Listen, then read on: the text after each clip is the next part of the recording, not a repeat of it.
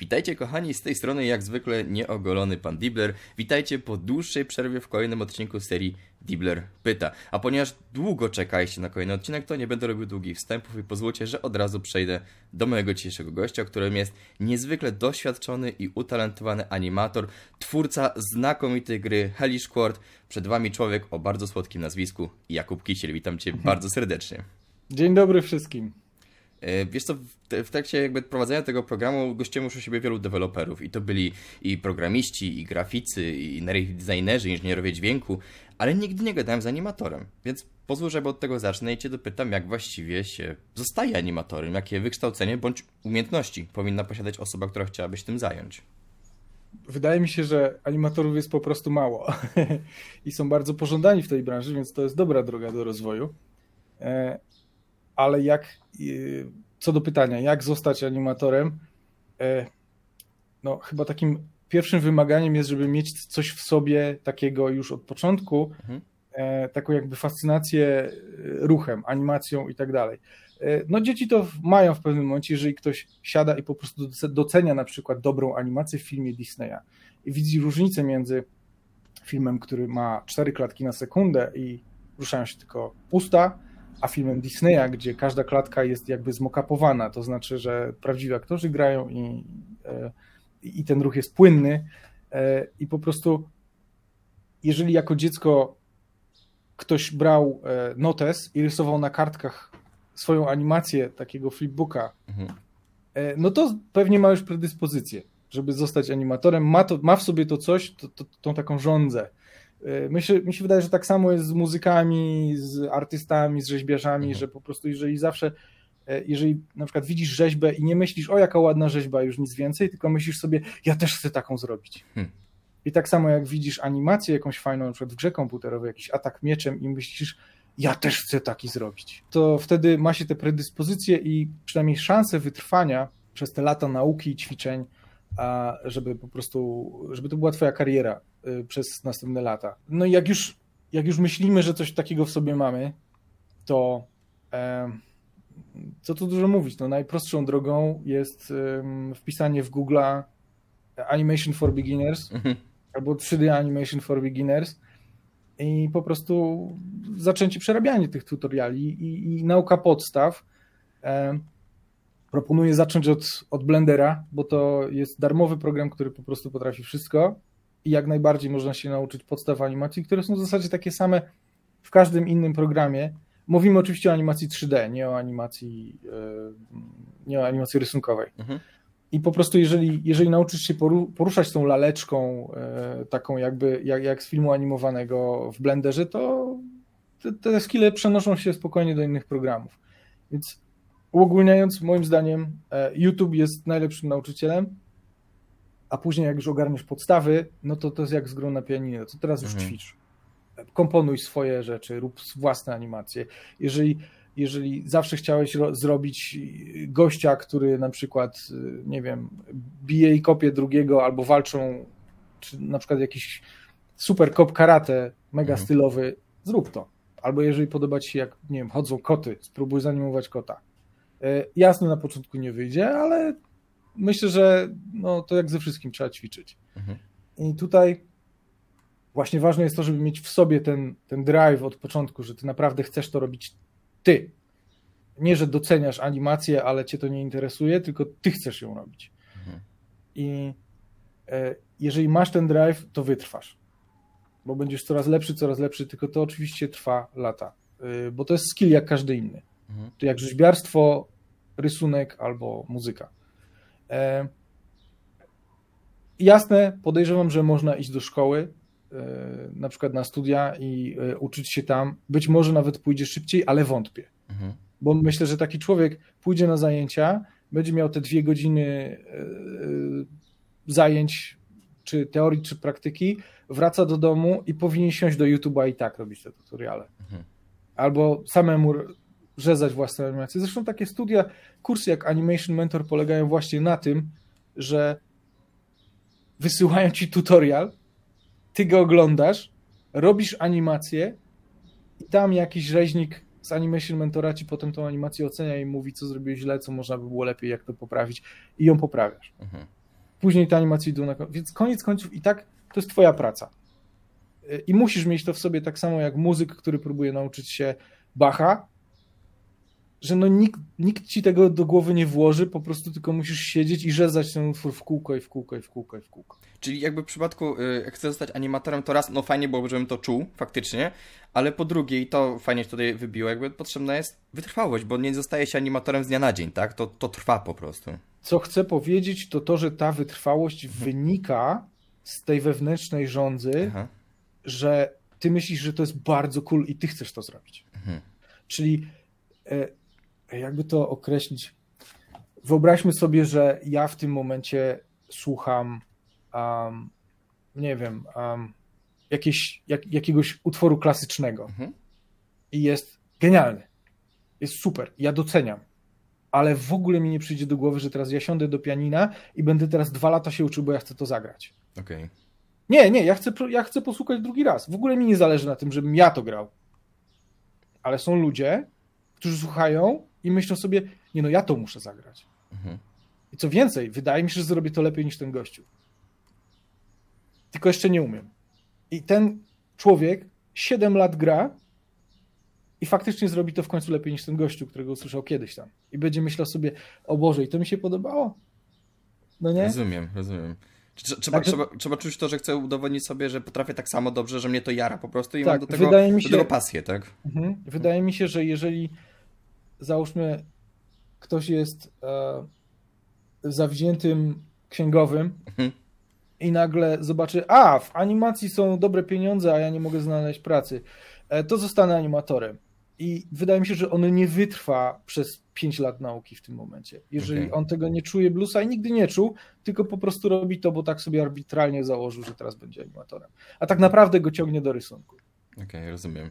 No nie? A To Jak niech to, rysuje, jak go ciągnie do rysunku, prawda? jak to właściwie było z tobą? Bo przez 8 lat y, pracowałeś Can Fly, potem był CD Projekt Red, no ale teraz jesteś niezależnym twórcą, który pracuje nad swoją własną grą i jestem Mhm. po prostu ciekawy, dlaczego? Skąd, skąd decyzja, żeby wyjść na swoje, kiedy no podejrzewam przynajmniej, że te duże studia AAA to się od ciebie zabijają, tak? A, znaczy, no, duże studia zabijają się o wszystkich animatorów, Okej. bo, bo jest ich mało. Wobec tego, jeżeli pojawia się jakiś animator, to, to bierzemy w ciemno. No nie? Ten gościu lubi animować i ma to coś, że on chce. No nie? I wytrwał na tyle, że coś już umie, to znaczy, że będą z niego ludzie. E, natomiast ze mną to były, y, to, to były zupełnie inne powody. Mhm. E, jak po odejściu z PCF-u i roku w CD Projekcie, e, znaczy no odejście z PCF-u to było takie y, z, z takich powodów, że po prostu PCF nic już wtedy nie robił. Był częścią Epica, to się nazywało Epic Games Poland i w zasadzie był takim asset shopem dla, dla Epica i tam parę ludzi robiło coś do Fortnite'a, parę do Engine'u, animatorzy, włącznie ze mną, nudzili się od roku. Mm. Jakieś ochłapy typu animujcie jakąś postać do Fortnite'a i tak tego nie weźmiemy, ale sobie coś porobicie, nie? Tam nie było co robić, więc w ogóle mora- morale spadły, trzeba było ruszać, nie? E, Zresztą po moim odejściu PCF w ogóle, znaczy nie PCF, przepraszam, Epic rozwiązał w ogóle dział animatorów, zwolnił wszystkich. O, okej. Em, e, bo, no bo po prostu nie byli potrzebni, nie? Wtedy. Dopiero później, jak się PCF wykupił, to to, to wróciło. E, Natomiast w CD Projekcie była taka sytuacja, że mi się urodził pierwszy syn Mhm. i ja wychodziłem do roboty o 8 rano i wracałem o 6 wieczorem. No nie? O 8 rano oni spali, moja żona Kasia i, i, i- Jaś, a jak wracałem, to oni spali bo już był wieczór, tak? Potem była w nocy parę pobudek na ryczenie i karmienie, więc nie przespana noc. I potem wychodziłem, oni spali, przychodziłem, oni spali. I to trwało tak pół roku i uznałem, że po prostu to, okej, dobra. Ja wiem, że ludzie niektórzy tak robią i potrafią przetrwać ten okres pierwszych tam lat, Mhm. y, nawet dwóch, w ten sposób, ale uznałem, że nie, no dobra, to, to, to jest w ogóle nie, nie moja brocha i ja tak nie chcę. Także deprecha była na maksa w domu. To po prostu się wręcz rozpadało, sobie. rozpadało się na moich oczach to wszystko, całe, całe to moje marzenie, że jak to powinno wyglądać, a jak wygląda naprawdę. E, więc to była taka główna, okej, dobra, ja muszę pracować z domu, przynajmniej teraz. Mhm. A druga taka akcja, e, znaczy drugi powód to był, że rok lub dwa lata wcześniej odkryłem Unity engine do gier i robiło się na tym grę, gry tak łatwo, to, to był taki, od razu mi kliknął w głowie ten, ten engine. Unreal tak, z Unrealem tak nawet mhm z blueprintami tak nie miałem, że po prostu patrzę na to i tak, no dobra, nie do końca wiem, co robić, nie? To jest dalej czarna magia, te blueprinty. Ale Unity tak, e, struktura Unity była taka, że po prostu e, od razu to zrozumiałem i potrafiłem od razu robić swoje projekty, wpinać animacje i po prostu mogłem sobie robić swoje własne małe projekciki typu na przykład, e, w sensie nie byłem już ograniczony tym, że jak robię animację, to muszę prosić programisty, żeby mi to wpiął. Hmm. Teraz ja mogłem sobie wpinać, ale prywatnie, u siebie. I później okazało się, że Unity ma coś takiego jak Asset Store, gdzie można sprzedawać te swoje animacje i te swoje kontrolery. Wobec tego pojawiła się opcja posiadania jakiegoś dochodu mhm. niezależnego, nie musi mi nikt płacić. Ja sam mogę sobie sprzedawać swoje animacje i utrzymać z tego rodzinę. Mhm. To było takie, taki drugi ważny punkt, który, który pozwolił, ok, dobra, czyli ja już nie potrzebuję pensji. Jakoś damy radę. E, a też nie chciałem wpaść z deszczu pod rynnę, czyli po prostu e, pójść do domu i teraz zdalnie dla kogoś pracować, czyli freelansować. No nie, to też w sumie wydawało mi się to to samo. No. Mhm. Może trochę lepiej, ale w sumie gorzej, bo trzeba szukać klientów, nie? A tutaj ile, ile sam zrobisz, tyle będziesz miał. Jesteś totalnie zupełnie na swoje i sam decydowałeś, ile pracujesz, yy, ile czasu temu poświęcasz, tak, co chcesz robić ale właściwie. Mhm. To było jeszcze bardziej genialne, ponieważ mhm. jak zrobiłem paczkę, z animacjami, to ona się sprzedaje do dzisiaj. A zrobiłem ją mhm. 8 lat temu. Więc e, no cud miód. Zrobisz 10 paczek, one się sprzedają. To, to nie jest tak, że nagle ktoś, a ta animacja ma 8 lat, to już nie biorę. Nie, to jest dalej dobra animacja, taka sama jak 8 lat temu. Jest super z mockapa. Można, można, e, można e, brać. Więc e, to był dobry pomysł na taki, na taki dochód po prostu niezależny. No a trzecim takim powodem już finalnym, taki ostatni gwóźdź do trumny to, że po tym pół roku takiego życia właśnie wychodzenia rano, wracania wieczorem, nie widzenia rodziny, nie gadania z nimi nawet, nie? Bo tylko spali. E, to było, że CD Projekt powiedział, e, no to, to kończymy Wiedźmina, to crunchujemy, aż zrobimy. I miał ci jeszcze e, okay, gorzej, tak? Dobra, mhm. czyli jeszcze gorzej, mhm. dokładnie. I to dużo gorzej, więc okej, okay, to, to jest. No nie? w sumie jest więcej powodów, jak teraz sobie przypomnę. Nie mogłem znieść czegoś takiego jak reviewsy. Okej. Okay. Wiesz co to jest? Reviewsy to są e, quarterly review, yearly review. Okej, okay, że ktoś ci e, zagląda trochę sprzed nad ramienia i cię Ocenianie ocenia. Mhm. pracownika, nawet nie z ramienia. Idziesz na mhm. dywanik, no nie? E, ludzie twoi, twoi koledzy i szefowie dostają ankiety i ocenia, wystawiają ci oceny. Mhm. A, B, C, czy tam, nie wiem, po prostu spełnia wymagania, nie spełnia wymagania, przewyższa wymagania. I masz różne oceny typu, um, nie wiem, e, zdolności techniczne, nastawienie do pracy, um, e, przywództwo. E, po prostu. Serio? Lista... Były takie? Tak, tak. Dalej, identyfikacja z firmą. E, takie, takie rzeczy były, no nie? Mhm. Ogłada, znaczy nazywam to, oczywiście nie nazywaj tego ogłada, ale to chodziło bardziej o to po prostu jak się, komunikacja, przepraszam, to się nazywał komunikacja, ogłada to z Warhammera, sorry. no. E, I, I po prostu ja jako produkt naszego systemu edukacji u mnie to powodowało niesamowity stres. Mhm. Niesamowity stres. Ktoś mnie bierze na dywanik i ocenia, jak był w podstawówce. I dostaje cenzurkę i, i zawsze coś jest nie tak, no bo wiadomo, że jak ludziom dać to, ale weź coś wymyśl, co by mógł poprawić, co mówią, a mógłby poprawić to. I to się bardzo zamienia w coś. Okej, okay, ludzie mówią, że tu nie dajesz rady. Mhm. No nie? Kazali ci poprawić to.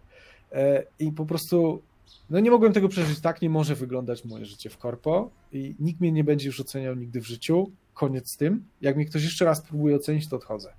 Okay. I bum, nie? Czyli zaczą, zacząłeś tworzyć swoje własne animacje, wrzucać je na Asset Store raz ze względów osobistych, e, dwa, e, poszukałeś tej niezależności tak naprawdę, tej właśnie ucieczki od korpo, jak sam powiedziałeś no. i na tym zacząłeś zarabiać, wokół tego zacząłeś się kręcić, ale potem narodził się projekt Hellish Quart. I chciałem Cię dopytać, jak właściwie on się właśnie narodził, dlaczego ten setting i dlaczego bijatyka? To jest wynik ostatnich lat E, animowania tego, co robiłem, animowania i, i, i projektowania mhm. systemów walki. Zaczęło się od Wiedźmina, więc wcześniej to generalnie były karabiny w PCF-ie, no nie? Bulletstorm, no tak. tego typu rzeczy. E, a później um, przy Wiedźminie, no to tam mnóstwo mieczy leżało prawdziwych, takich treningowych, co prawda, nie ostrych, ale prawdziwych. E, no i robiliśmy dla Geralta cały system walki. I, i, i dla wrogów Geralta też po roku czegoś takiego, no to już byłem opykany w, w całej tej walce, jakimś realizmie, no bo przecież um, oglądaliśmy mnóstwo filmików na YouTubie, e, jak się walczy, e, wgryźliśmy się razem z innymi animatorami cały mhm. w ten temat historycznych sztuk walki e, i, i traktatów szermierczych, co ten Wiedźmin ma niby robić, jak zrobić, żeby to nie wyglądało strasznie głupio, jak się zadaje ciosy tym mieczem i tak dalej. Później jak już robiłem paczki na, paczki animacji na, na, na Asset Store'a i Marketplace'a, no to w naturalny sposób przeszedłem, ok, no to, to ostatnio robiłem, no to mam, mam to jakby w małym palcu, to robimy miecze. Więc zrobiłem łącznie chyba 4 albo 5 paczek z mieczami, chyba 4, takich dużych, po 200, po 250 animacji. E, całe systemy walki do, do, do tego. E, no i oczywiście jak już mam animacje, no to żeby je testować, czy one faktycznie w gameplayu się sprawdzają, to musiałem zrobić sobie swoje prototypiki typu, że walczysz z innymi postaciami, więc system walki jakby mechanicznie rozwijałem przez lata, zacząłem robić coraz lepsze, coraz lepsze, coraz lepsze i w końcu pamiętam, miałem robić zupełnie inną grę niż Hellish Quart mhm. i, a, i zrobiłem sobie taki prototyp, taką chodzoną bijatykę w prawo jak Golden Axe jedną z bohaterek była Elżbieta Batory, a skoro jest to Elżbieta Batory, to myślę, że powinna mieć w szable węgierkę, a nie jakiś długi miecz. No to i o szabli nie wiedziałem wiele, oprócz pojedynku z potopu, jak to mniej więcej wygląda. Więc kupiliśmy sobie dwie szable, takie obite pianką treningowe. Waga taka jak normalna szabla pojedynkowa, tylko że po prostu nie wybijesz sobie tym zębów, nie? A nie złamiesz kości. No i zaczęliśmy się łodzić tymi szablami od niechcenia w ogródku z, e, z ludźmi. I okazało się, że to jest świetna zabawa, jest genialna zabawa, po prostu super. I te szable, to tak jak człowiek całe życie jeździł na nartach, a potem sobie spróbował na snowboardzie i odkrył, że to powinienem robić za każdym razem. To, to jest to, nie? Narty są takie techniczne i w ogóle, a to jest taki flow. I, i te szable, jakby nie wiem, czy to się nasza polskość odezwała, że... Że to szabelko się fajnie wywija, nie? Tak, że to są setki lat wywijania szabelką, ale jest ten flow. No i oczywiście, no to kręcimy mockupy do tej szabli, mm -hmm. nie? E, no i oczywiście narodził mi się też jakiś tam w międzyczasie pomysł, który miał być do tamtej gry, że w takim razie niech to będą aktywne ragdole, żeby mieć ten dodatkowy poziom quality, że ta mhm. szabla się jednak odbija od siebie i że, i że, i że jak szabla uderza w głowę, to to widać ten taki myk, nie? No i wziąłem dwie postacie i wziąłem te, te podstawowe animacje i zacząłem się nimi okładać. I to był ten wow moment. Taki. -hmm. Zaskoczyło, nie? To jest to, to jest, to jest najlepsza gra na świecie. To, to, to, to wchodzimy, to będę robił, nie? No to jak szablem, to wiadomo. No to potop i, i ogniem mieczem. Polscy, polscy szlachcice niech się walą. Nie? Super, prawda? No przecież nie samuraje, no nie? E, no i w zasadzie to było to. Później jak zrobiłem trailer, to się okazuje, że dużo ludzi podziela mój entuzjazm. Mhm. jak wrzuciłem trailer na Facebooka, to zażarło. E, no, ten oczywiście projekt, trailer tego poprzedniego pro, projektu też wrzuciłem, mhm. ale dostał tam 20 lajków i to wszystko, nie? Nie chwycił po prostu, tak jak, po tak jak wywijanie szabelką. Tam, tam to mi się też wydawało, że jest mhm. super, ale ludzie tak, no okej. Okay. Okej, okay, tak właśnie narodził się Hellish Quart, czyli w tym momencie gra, która jest dostępna w Early Accessie i zbiera masę pozytywnych ocen, co pokazuje, że faktycznie ludzie są zainteresowani tematem. Ale jestem ciekawy tak za kulis, co właściwie jest najtrudniejsze przy Hellish Quart, ale od tej strony mechaniki. No bo nie ukrywamy, nie bez powodu niezależni twórcy raczej nie chwytają się bijatek. To pozorom nie jest łatwy gatunek. Mhm. Um, od czego by tu zacząć? E, dobra, to ja najpierw powiem, co jest najtrudniejsze, a potem, a potem się odniosę do tego, że się indyki nie chwytają Mhm. fightingowych gier. Najtrudniejsze w Hellish Quart są ograniczenia fizyki engine'u. Okej. Unity. E, Bo to jest takie wąskie gardło, że po prostu fizyka działa w określony sposób i nie jest perfekcyjna. Nam się wydaje, że jak dwa obiekty się zderzają w engine, to ten engine wykrywa idealnie, gdzie one się zderzyły, w którym miejscu, ale tak nie jest. To jest wszystko e, sobie amuzą, taki proxy, no nie? On sobie tam, jeżeli leci obiekt i on się obraca, to na przykład kolizja nie bierze pod uwagę tego, że on się obraca. Czyli już jesteśmy pozbawieni jakiejś jednej, a miecze się obracają, kręcą się, robią młynki, no nie? I przez to kolizja na przykład jest wykrywana 20 cm nie w tą stronę, tam gdzie powinna być. Gdyby projekt się, gdyby obiekt się nie obracał, to by była dobrze Mhm. wykryta. Ale jako, że wiruje, bo na przykład robimy młyńca szablą, no to on sobie wykrywa inaczej tą fizykę troszeczkę. Okej. I trzeba się wspomagać, robić jakieś trace'y, raycasty, żeby były dodatkowe, dodatkowa weryfikacja, gdzie się te szable zderzyły, albo w, w którą część ciała. yy, I to, to, jest, to jest zbliżanie się do, do perfekcji, ale to nigdy nie będzie perfekcja. Mhm. I najtrudniejsze jest to, żeby się z tym pogodzić. Aha, Żeby okej. po prostu zaakceptować, no tak, tak, ta gra nie jest perfekcyjna i ona tak ma. Mhm. I nigdy nie będzie mieć inaczej, chyba że ktoś zrobi lepszy engine. A oczywiście ja jako. Ja, ja mogę sobie skryptować i animować, ale korzystam z gotowego engine'u i nie mam do tego dostępu. Dodatkowo ten engine korzysta chyba z physicsa NVIDII, więc w ogóle to zależy jeszcze od NVIDII. I także Mhm. to, to jest kompletnie. I tego, co robi karta graficzna. Dodatkowo jeszcze, jeżeli masz 60, 60 FPS-ów, to będziesz miał gorszą grę niż jak masz 144 FPS Mhm. ponieważ ta fizyka, ja jej nie lokuję. Więc jeżeli ktoś ma monitor 144 fps albo taką kartę, która to pociągnie, to niech sobie liczy te 144 razy na sekundę update fizyki. Mhm. Będzie miał dużo precyzyjniej wszystko. Czyli polecam grać w Hellish Quart na szybkich monitorach. Okej. E, e, Także wtedy jest dużo lepszy, e, no, dużo lepszy experience. E, Wiele gier lokuje, na przykład Mortal Kombat lokuje na 60 fps i możesz sobie mieć jaki chcesz monitor, jaką chcesz kartę. Ma 60, wszyscy mają mieć porówno. Okej.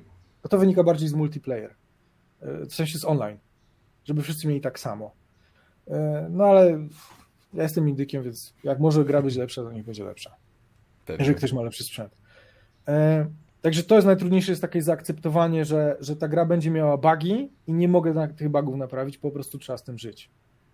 Także jak ktoś się, ma, kiedy, ktoś się zapyta, kiedy to będzie naprawione, to mogę tylko wymijać, że no ja nad tym pracuję, Unity nad tym pracuje, Physics nad tym pracuje, ale Ktoś no mi kiedyś powiedział, że tworzenie e, gier indie to jest to już sztuka rezygnacji. Czasami z czegoś trzeba E, no zrezygnować, tak, bo mógłbyś, jasne. mógłbyś próbować to szlifować e, albo walczyć z tym przez najbliższe kilka lat, no ale jaki ma sens, nie?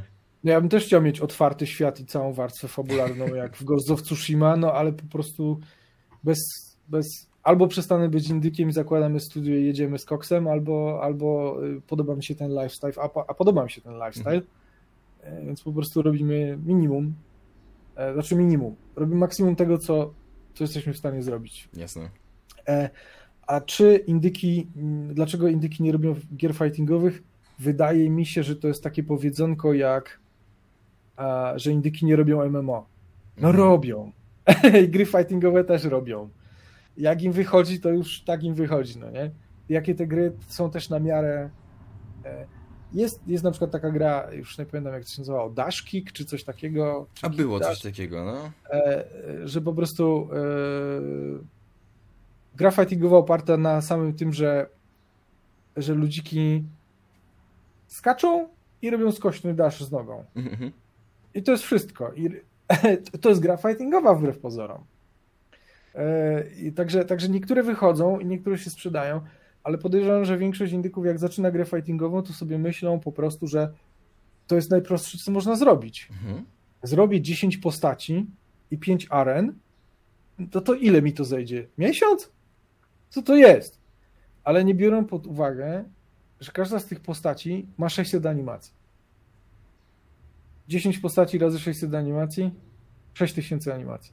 Już nie jest tak różowo, co? Właściwie chyba do tego chciałem dojść, że może faktycznie to nie jest tak, że tych fightingowych gier nie ma, bo one faktycznie są.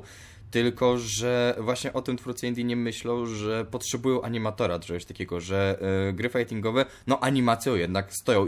Mówię tak oczywiście o przypadku, kiedy robisz 3D, tak, a nie jak, nie wiem. Nawet jak robisz 2D, jeżeli jesteś animatorem też. 2D, to, to, to... Znaczy, jeżeli robisz grę fightingową 2D, też mhm. musisz mieć animatora, tylko 2D. I tam też będzie od, od zarąbania tych animacji, bo to jest główny content tej gry. Mhm. To ciosy i animacje. Czyli jeżeli na przykład widzisz Hellish Quart i tam jest dziewięć postaci w tym momencie, to myślisz sobie, że tam nie ma kontentu. Tam jest tyle kontentu, że, że szok. Mhm. Ja siedzę i codziennie po 8 godzin tylko robię cały ten kontent, ale problematyczne jest to, że like nie widzi tego kontentu, bo widzi tylko 9 modeli. Mhm. Co to za robota, no nie? Ale jak siądziesz się, wgryziesz i popatrzysz na listę ruchów i co się tam może dziać, to nagle widzisz, że tego, okej, okay, dobra, Mhm. I, I, I, może nie jak na stuosobowe studio, ale jak na jedną osobę to jest mnóstwo tego kontentu. E, no i, no i to jest też coś takiego, że gry fightingowe są bardzo niszowe, bo e, z uwagi na to, że e, wymagają bardzo specyficznego gracza, mhm. Który, który dostaje wyrzut dopaminy w momencie, jak wygra walkę. Wydaje mi się, że większość ludzi tego nie czuje. Nie ma tego to jest coś takiego, że niektórzy siadają do jakiejkolwiek gry fightingowej, wygrają lub przegrają, zagrają parę pojedynków mhm. i się pytają, no dobra, no ale, ale po co ja to robię? Jaki to jest sens? W sensie po co te pojedynki są? E, jakaś, nie wiem, fabuła, coś, jakoś do przodu, gdzie jest progresja, ale co, odblokowuje nowe ataki? E, w sensie, po co ja w to gram? Co mhm. jest przyjemne w tej grze? No człowieku, przyjemne jest to, że wygrałeś pojedynek przyjemne jest to, że ci wyszła super akcja. To, by, by the way, to może mieć związek, jak teraz sobie myślę, z, z animacją. Za każdym razem, jak robisz jedną animację, a robisz na przykład 600 per postać, to za każdym razem, jak kończę tą animację, to patrzę i myślę, ale super animacja, wyszła fajna. Mam Dostajesz właśnie ten zaszyk do Nagrodę. Mhm. No nie? Jest nagrodę, o jest fajna jest, dobra, to zróbmy następną. I tak samo z grą fightingową. Ja do tej pory włączam sobie Tekena na 15 minut, wygrywam mhm. trzy pojedynki i mam trzy wyrzuty dopaminy i trzy nagrody. No nie? Nie po to, żeby pchnąć fabułę do przodu i żeby ukończyć Tekena, bo gier fightingowych się nie ukańcza. Mhm. Tylko wychodzi fajna akcja karate i udał mi się ten unik i rozwaliłem go z perfektem. A, fajna nagroda, dobra, wyłączam. Okay. I tak codziennie mogę sobie włączyć. Ale sobie... coś w tym jest, mi teraz o tym powiedziałeś, że, że gry fightingowe faktycznie są skierowane do konkretnego odbiorcy. Fakt, że e, twórcy bijatek tak próbują trochę wyjść naprzeciw też innym, e, innym graczom, bo i w Mortalu mamy fabułę i w, w w Smashu mamy mnóstwo rzeczy do odblokowania, czy też mamy gigantyczną fabułę. Ja też dodaję, dodaję fabułę. Zresztą właśnie tego chciałem nawiązać, że u Ciebie też będzie fabuła, którą zresztą e, pisze, czy już napisał, nie wiem, Jacek Komuda. Napisał tak? I, chciałem dopytać, jak wyglądała współpraca z tym pisarzem. Jacek Komuda ma olbrzymie doświadczenie w grach komputerowych. Może mhm. ludzie niektórzy tego nie wiedzą i myślą, że znają go tylko z półek z Empiku, że to jest a okej, okay, ta setka książek to wszystko komuda, komuda, komuda, mhm. komuda. No nie? I, i, I sama szlachta, Rzeczpospolita Szlachecka. Y, ale Jacek Komuda siedzi w grach od lat. Fabuła do Wiedźmina pierwszego, do Bulletstorma, do Come Midnight y, i, i innych projektów ja z, z Jackiem współpracowałem przy Bulletstormie i Come Midnight wcześniej. Um, bardzo się cieszę, że on się zgodził, a nie mhm. tylko się zgodził, ale jeszcze użyczył nam świata z książek. Więc to już w ogóle bajka. Bo, tak, bo, bo to jest połączone jakoś z jego... No właśnie. E, I teraz no to jest Match from Heaven, no nie? Pisarz o Rzeczpospolitej szlacheckiej, najbardziej popularny polski i gra o Rzeczpospolitej Szlacheckiej, gdzie się tłuczemy szablami, rapierami i tak dalej. Mhm. E, także no to e, poszło bardzo szybko, sprawnie, fabuła jest napisana. W tym momencie ja jestem tym bottleneckiem, mhm. no bo o ile fabułę napisać można szybko, to e, to po prostu żeby w ogóle zacząć ją implementować, to wszystkie systemy kustomizacji muszą być na miejscu, żebym ja mógł zrobić NPC-ów fighterów, których mam już teraz. Postaci, z którymi będziemy walczyć na przestrzeni fabuły, muszą być zrobione i zamknięte i na miejscu. Mhm. żebym ja mógł potem zrobić im voiceovery, głosy, twarze, animacje tej twarzy e, i po prostu zrobić z nimi cutsceny, no nie? Mhm. Czyli tak naprawdę najpierw musi być gra, a później fabuła, e, która łączy te pojedynki jakby w, w całą historię. E, więc to nie może być tak, że ja sobie teraz porobię fightera, a teraz sobie porobię trochę historii. No bo muszę mieć postaci, które będą w tej historii. No nie? Historia sobie na razie czeka, tak po prostu, na swój moment. Tak, tak. Ja, ja o niej oczywiście cały czas myślę, robię sobie prototypy, mam je gdzieś tam na komputerze, ale to jest oczywiście nie, nie gotowe do pokazania, bo e, no po prostu już się też nauczyłem, że takich super wczesnych rzeczy nie warto pokazywać, mhm. bo feedback jest strasznie negatywny, no bo bardzo dobrze ludzie myślą, to po co on to pokazuje? Bo jest z tego dumny, ale z czego tu być dumnym, no nie? Jeżeli on myśli, że to jest fajne do pokazania, to znaczy, że coś z nim nie tak. Mhm. E, wobec tego pokazujemy takie rzeczy, które już wiemy, że aha, dobra, coś w tym jest. Okay. E, oczywiście też do ostatniej chwili nie można czekać, no bo ludzie chcą wiedzieć, co się dzieje, no nie? E, także no, po, drugie, ja nie mam studia na utrzymaniu i nie muszę nikomu płacić, to jest cały też urok bycia indykiem, mhm że to, co dla pięcioosobowej firmy jest finansową tragedią, ktoś ma 10 tysięcy złotych i musi opłacić czterech pracowników, z czego połowa idzie na podatki. Mhm. No to zamykamy firmę, nie ma z czego żyć. No nie? E, czyli po prostu to jest też ten aspekt bycia indykiem, że paradoksalnie indyk może więcej, mhm. bo się dłużej utrzyma na, po prostu ma mniejszą konsumpcję. Wobec tego te same pieniądze stanowią różnicę między sukcesem gry a porażką. Okay. No. E, czy, czy wyczerpałem temat? Chyba wyczerpaliśmy temat, ponieważ mam w głowie jeszcze jedno ostatnie pytanie, które chciałem Ci zadać, jeśli chodzi o Hellish Quart. E, czyli oczywiście, jak już ustaliliśmy, działasz swoim tempem, nie masz jakichś deadline'ów, ale czy dałbyś ode mnie zdradzić, kiedy moglibyśmy się spodziewać pełnej wersji wyjścia z Early Accessu? Um, jak gra wychodziła rok temu, mhm. nawet już trochę więcej, to mówiłem, że rok do dwóch. Ale nie miałem pojęcia, czy to się utrzyma i stanie na własnych nogach. Okay. Wobec tego planowałem po prostu minimum viable product. Czyli robimy 12 postaci i fabułę polegającą na tym, że to jest cutscena, pojedynek, cutscena, pojedynek, cutscena, pojedynek to faktycznie mogłem w dwa lata skończyć realnie. Mhm. Ale gra się rozrosła, no bo skoro jest bardziej popularna, to czemu przestawać na małym i za, zamykać temat i ryzykować z kolejną grą, która może się nie sprzedać, albo, albo poza tym mi się to super robi, ja to mhm. uwielbiam. E, więc nagle postać jest 24, e, a fabuła to już nie będzie cutscena, tylko planuję po prostu jakieś, jakieś, jakiś gameplay pomiędzy tymi cutscenami i walkami. Jeszcze, jeszcze do końca nie wiem jaki. Jeden prototyp na YouTube'a wrzuciłem, ale nie wiem, czy go jeszcze nie ulepszyć. Hmm. Chodzi o to, żeby po prostu e, zrobić, e, jakby wydłużyć ten gameplay i zrobić, żeby, żeby była jeszcze jakaś taka meta gra a la Mountain Blade na przykład. Aha. E, czyli jakaś, jakaś mapa, że jeszcze coś dodatkowo robimy i musimy, mamy jeszcze jakąś strategiczną warstwę. Aczkolwiek na pewno będzie zwykły też tryb arcade, czyli ludzi, którzy chcą po prostu dostać te, tych parę wyrzutów dopamin, przejść mhm. sobie jeszcze raz kolejny, bo, kolejny raz bossa. Czyli po prostu a, seria pojedynków i boss. Dlatego ilość modów też się zwiększyła. Dodatkowo jak gra wychodziła, to nie miało być e, treningów HEMA, czyli mhm. współczesnej szermierki we współczesnych strojach, ochraniaczach. Ale okazuje się, że lwia część e, graczy to są ludzie, którzy praktykują historyczne sztuki walki i faktycznie walczą tymi mieczami.